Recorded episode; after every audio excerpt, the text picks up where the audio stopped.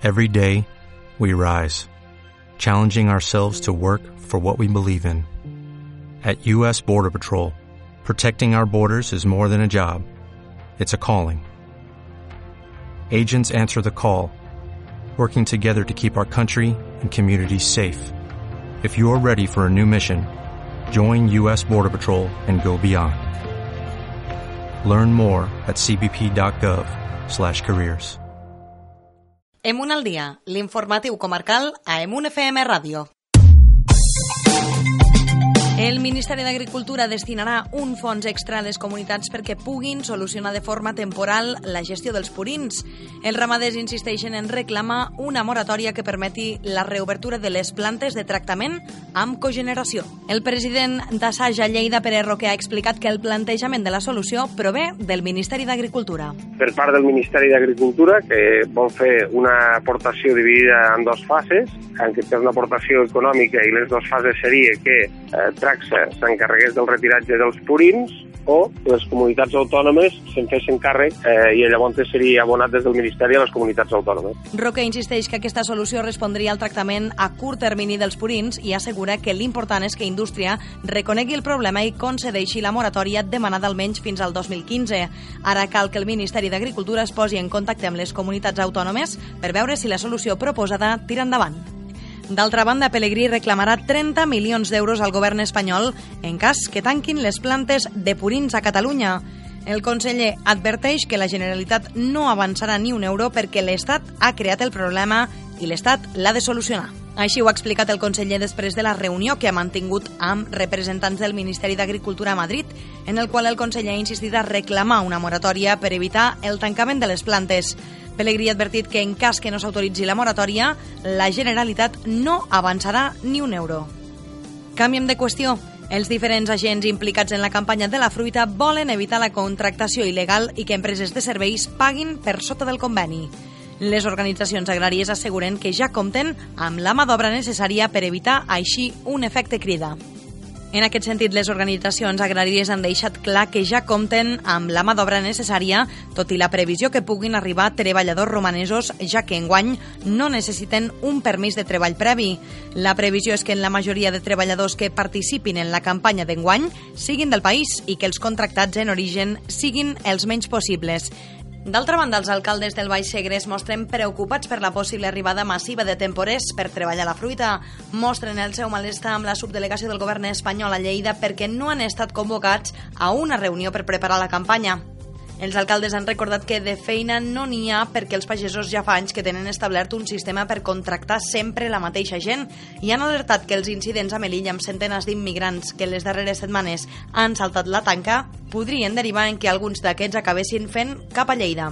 L'alcalde d'Alcarràs és Miquel Serra. Llavors, eh, els pagesos ja tenen les seues necessitats cobertes de, de feina, de, de, de personal per treballar en la campanya de la fruita i el que no desitjaríem és com ha passat a, en anterioritat que ens arribin gent de d'altres eh, parts del territori espanyol amb unes expectatives eh, totalment falses. Això no és el Dorado i això ho hem de poder dir.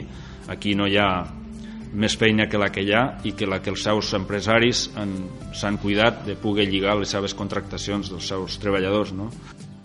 Una representació de l'equip de govern i l'oposició de l'Ajuntament d'Almenar es reuniran aquest dijous al Departament d'Ensenyament a Barcelona per demanar una solució immediata per l'escola d'Almenar. L'alcalde del municipi, Pasqual Izquierdo, ha explicat a aquesta emissora que la situació ha arribat al límit i que cal donar-hi una resposta immediata. Estem arribant a uns límits que, bueno, ja eh, ens falta, me sembla que és una falta de respecte el que estan fent en el poble d'Almenar, no? La nova escola d'Almenar estava a punt d'iniciar les obres quan, per manca de pressupost, es van decidir paralitzar. L'Ajuntament d'Almenar va concertar una cita amb la consellera Rigau, però finalment serà el director de centres, Antoni Llevó, qui el rebrà. De tota manera, Izquierdo assegura que no descarta traslladar-ho al president Artur Mas. Aleshores és parlar. Ja, jo havia demanat visita per la consellera, la consellera m'ha derivat al director de centres que primer parlem amb ells, amb ell, a veure com, com us conteste, i ja li vaig dir jo que no anul·les la cita amb la consellera i inclús amb el president, perquè el tema aquest, bueno, ja és, em sembla que és de justícia. Recordem que l'edifici de l'Escola d'Almenà té més de 75 anys i l'alumnat s'ha de redistribuir desdoblant aules i fent servir part del menjador com a aula de reforç i també part de l'escola Bressol. Dijous tindrà lloc aquesta reunió on s'esperen respostes i solucions. Espero, espero que ens donin alguna sati resposta satisfactòria el dijous i si no, pues, bueno, estem d'acord ja l'equip de govern sobretot ja d'iniciar altres temes perquè dir, això ja me sembla que amb una paraula se mostoregen d'una manera ja tant els uns com els altres. Jo ja no dic qui governa la Generalitat, vull dir, jo m'encaro la Generalitat. En un altre sentit, Almena està finalitzant les obres de les noves piscines del municipi i també els arranjaments de les pistes de pàdel. A més, ja s'han finalitzat els nous vestidors i, segons l'alcalde, es preveu l'obertura del nou recinte lúdico-esportiu el proper 15 de juny. Alfarra celebra aquest diumenge la processó dels dolors al punt de les 8 del vespre. Es tracta de la única processó vivent de tot Catalunya. La processó vivent d'enguany comptarà amb més de 120 participants que repartits en 8 passos recorreran el municipi a partir de les 8 del vespre. Maria Teresa Gràcia és la presidenta de l'agrupació Processó dels Dolors d'Alfarràs. A veure, eh, el que té d'especial és que tots els passos de la professó són vivents i que és la passió de Nostre Senyor des de l'entrada des de l'entrada de Jerusalem a la Mare de Déu dels Dolors que tanque la processó.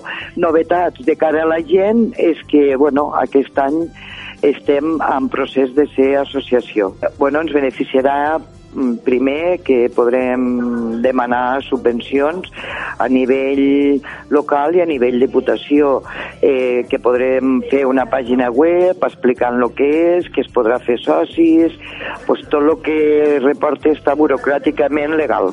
Es tracta d'un dels esdeveniments més que consolidats de la Setmana Santa després que fa 15 anys que se celebra.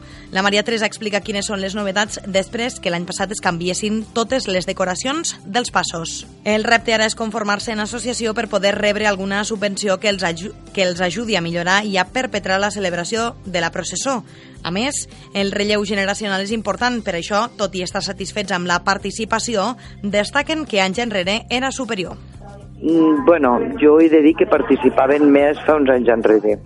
La processó dels Dolors d'Alfarràs és l'única processó vivent de tot Catalunya. Canviem de municipi i marxem al Guaire perquè allà s'han acabat els treballs de l'anomenada plaça del Pi i aquesta setmana comencen les obres per situar un parc infantil a la zona esportiva.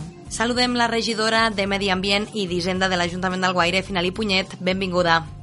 Hola. Expliqui'ns perquè s'estan finalitzant o ja s'han finalitzat les obres de la plaça del Pi del Guaire. Sí, ara s'acaba de, de jardinar l'entorn de, una, de la plaça que en diem del Pi, el Pi que hi ha gran, encara està sense nom i s'haurà de reorganitzar aquests dies. Uh -huh. El cas és de que aquí hi han fet una actuació, a l'acabar unes obres, s'ha fet l'actuació de, de l'ajardinament, i, i continuar la continuació del carrer al mig, que ara ja teníem arreglat, eh, clar, la continuació era cap a la plaça Alpí. També s'ha aprofitat per a reubicar les llums i, i augmentar llums a la zona, que ara també li convenia una mica. En tot cas, ha quedat una zona molt agradable. Ja s'han finalitzat aquestes obres, eh? Sí, sí, ara estan, està jardinat, falta que, que ja surti tot, eh, que estigui tot en marxa. Um, parlem també d'aquesta zona esportiva perquè realment allà també hi haurà novetats i és que s'instal·larà sí, un parc infantil. Sí, bueno, allà a la zona esportiva eh, es du a terme, aquesta setmana començaran les obres i és eh, fent un, una ajuda, un PIL, que és un pla d'inversions locals de la Diputació que estava previst pel 2013, finals del 2013, i ara es començaran les obres. És l'establiment d'una zona lúdica esportiva, amb l'ajuda d'aquest pla d'inversions locals.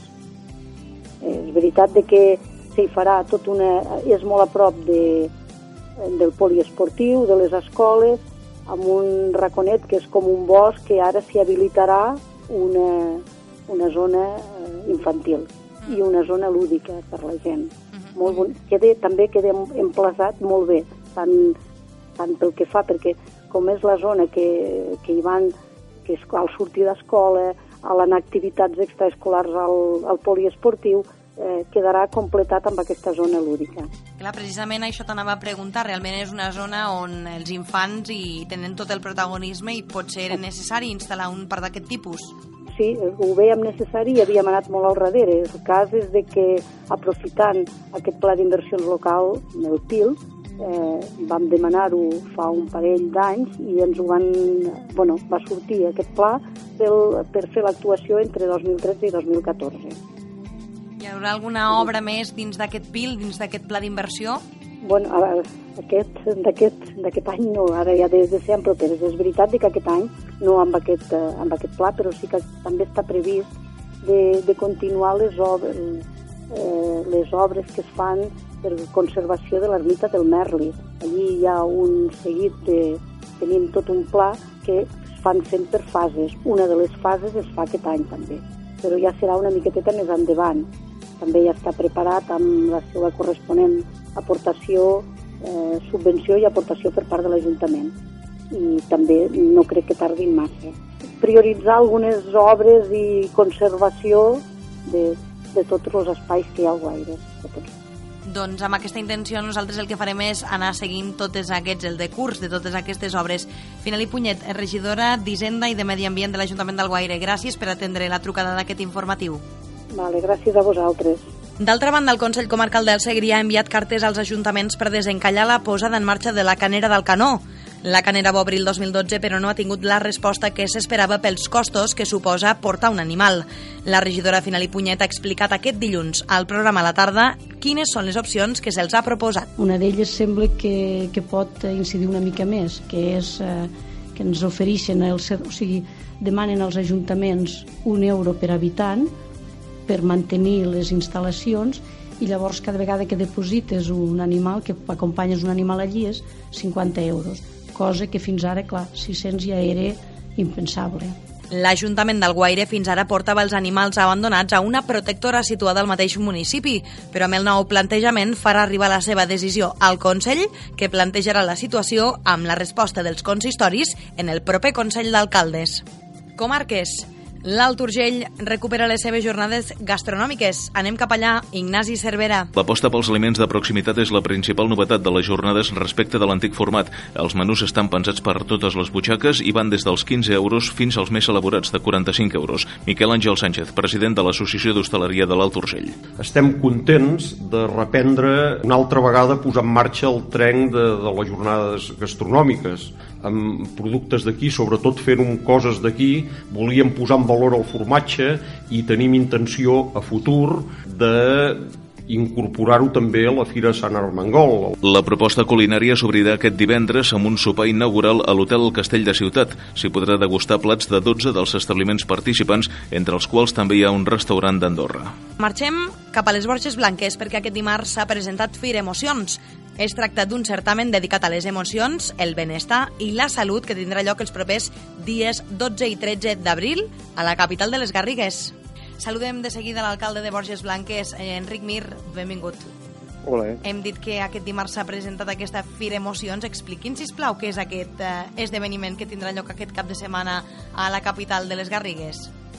Sí, doncs es pugui concentrar un cap de setmana eh, doncs una sèrie d'activitats i expositors eh, eh, al voltant del tema doncs, de les emocions a partir doncs, d'artistes i, i expositors, com deia, que venen a fer doncs, unes demostracions eh, a nivell doncs, d'emocions, de sensacions eh, pel públic, tot el que és eh, tractar el cos i el benestar doncs, eh, està recollit en aquesta fira i és per nosaltres eh, doncs, la primera ocasió que ho podem presentar en forma de certamen, en un format així de cap de setmana, doncs de cara a un públic que de cada vegada doncs, ens demana més, doncs, eh, pugui sentir, pugui emocionar-se a través d'activitats mm, en les que amb algunes hi participi fins i tot, eh, artistes també n'hi ha pues, una trentena que venen a visitar-nos i a fer-nos gaudir dels seus números, i una sèrie de tallers i conferències, a més a més de, de, de lo que és pràctiques a nivell doncs, de, de,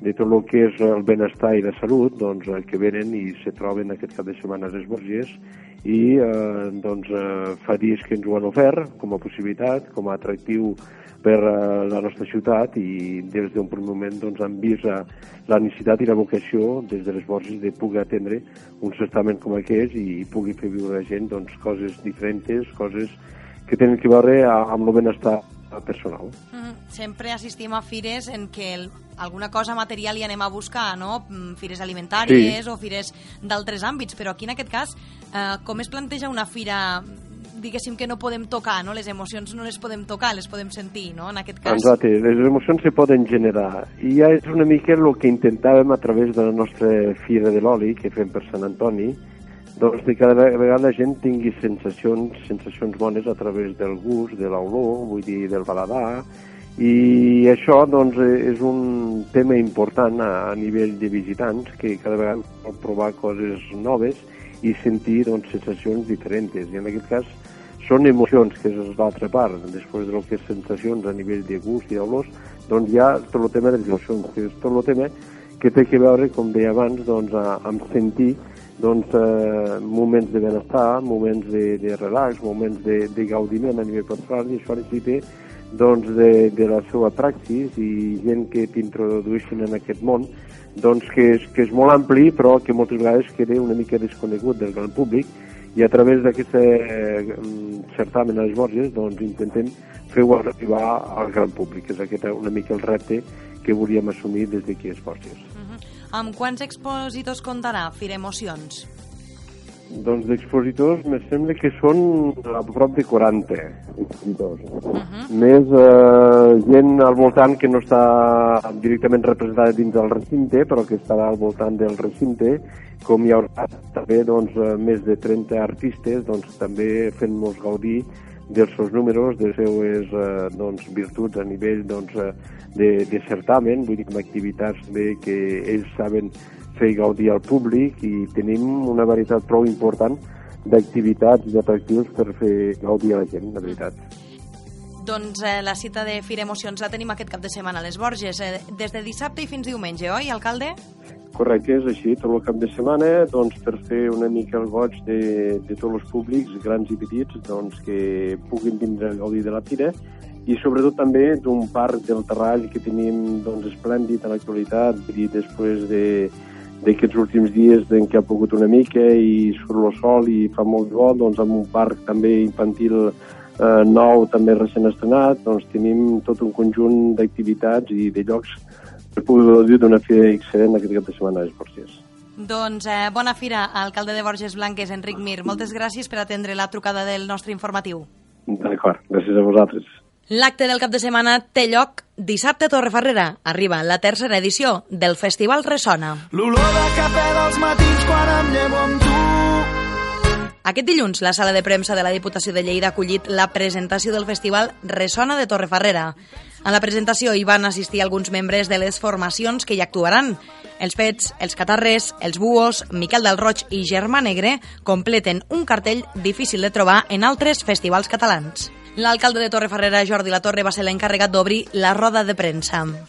Cal agrair, evidentment, això a un poble com Torrefarrera, doncs, de la dimensió que és més aviat no gaire gran, i doncs, un ajuntament bastant modest com el nostre poble i en la situació que estem vivint, això seria impossible de fer-ho eh, per, per l'Ajuntament i per sort doncs, tenim un, un jovent molt actiu que els hi vull agrair doncs, tota aquesta iniciativa a més a més doncs, tenim eh, altres entitats com l'Escola Municipal de Música i la, i la AMPE que tenen ganes de, de fer eh, noves iniciatives i de motivar eh, diverses eh, activitats que tenen que veure amb aquest àmbit. No?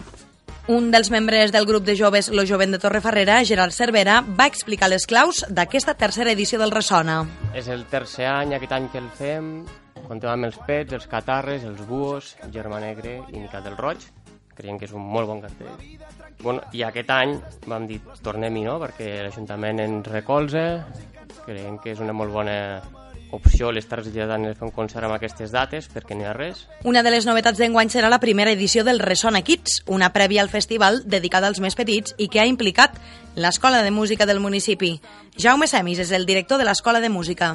Eh, a primera hora de 4 a 5 farem uns tallers de, de gralla de percussió i dansa i després tot seguit a les 5 ja començaran l'actuació dels combos fins a les, a les 8, 8 i mitja eh, de la tarda eh, i després eh, convidant a tothom que hagi assistit a aquest primer festival que després vagi al festival.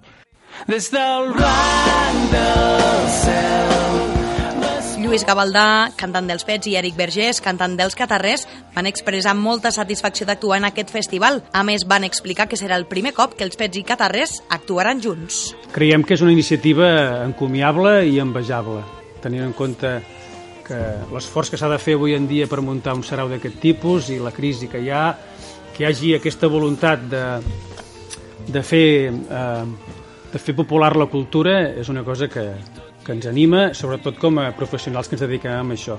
Per tant, quan se'ns va proposar de participar en aquest festival, vam dir que sí. La raó era doble. Per una banda, saber que un poble petit feia un esforç tan gran i per altra banda perquè eren les terres de, de Lleida. La cita és aquest dissabte a la tarda a partir de les 4 amb el Resona Kids i a les 10 s'obriran les portes del pavelló per donar el tret de sortida als concerts. Les entrades anticipades es poden comprar a l'Ajuntament de Torrefarrera i a la botiga Sony Gallery per un preu de 15 euros. A Guixeta costaran 18 euros. Emun al dia, l'informatiu comarcal a Emun FM Ràdio.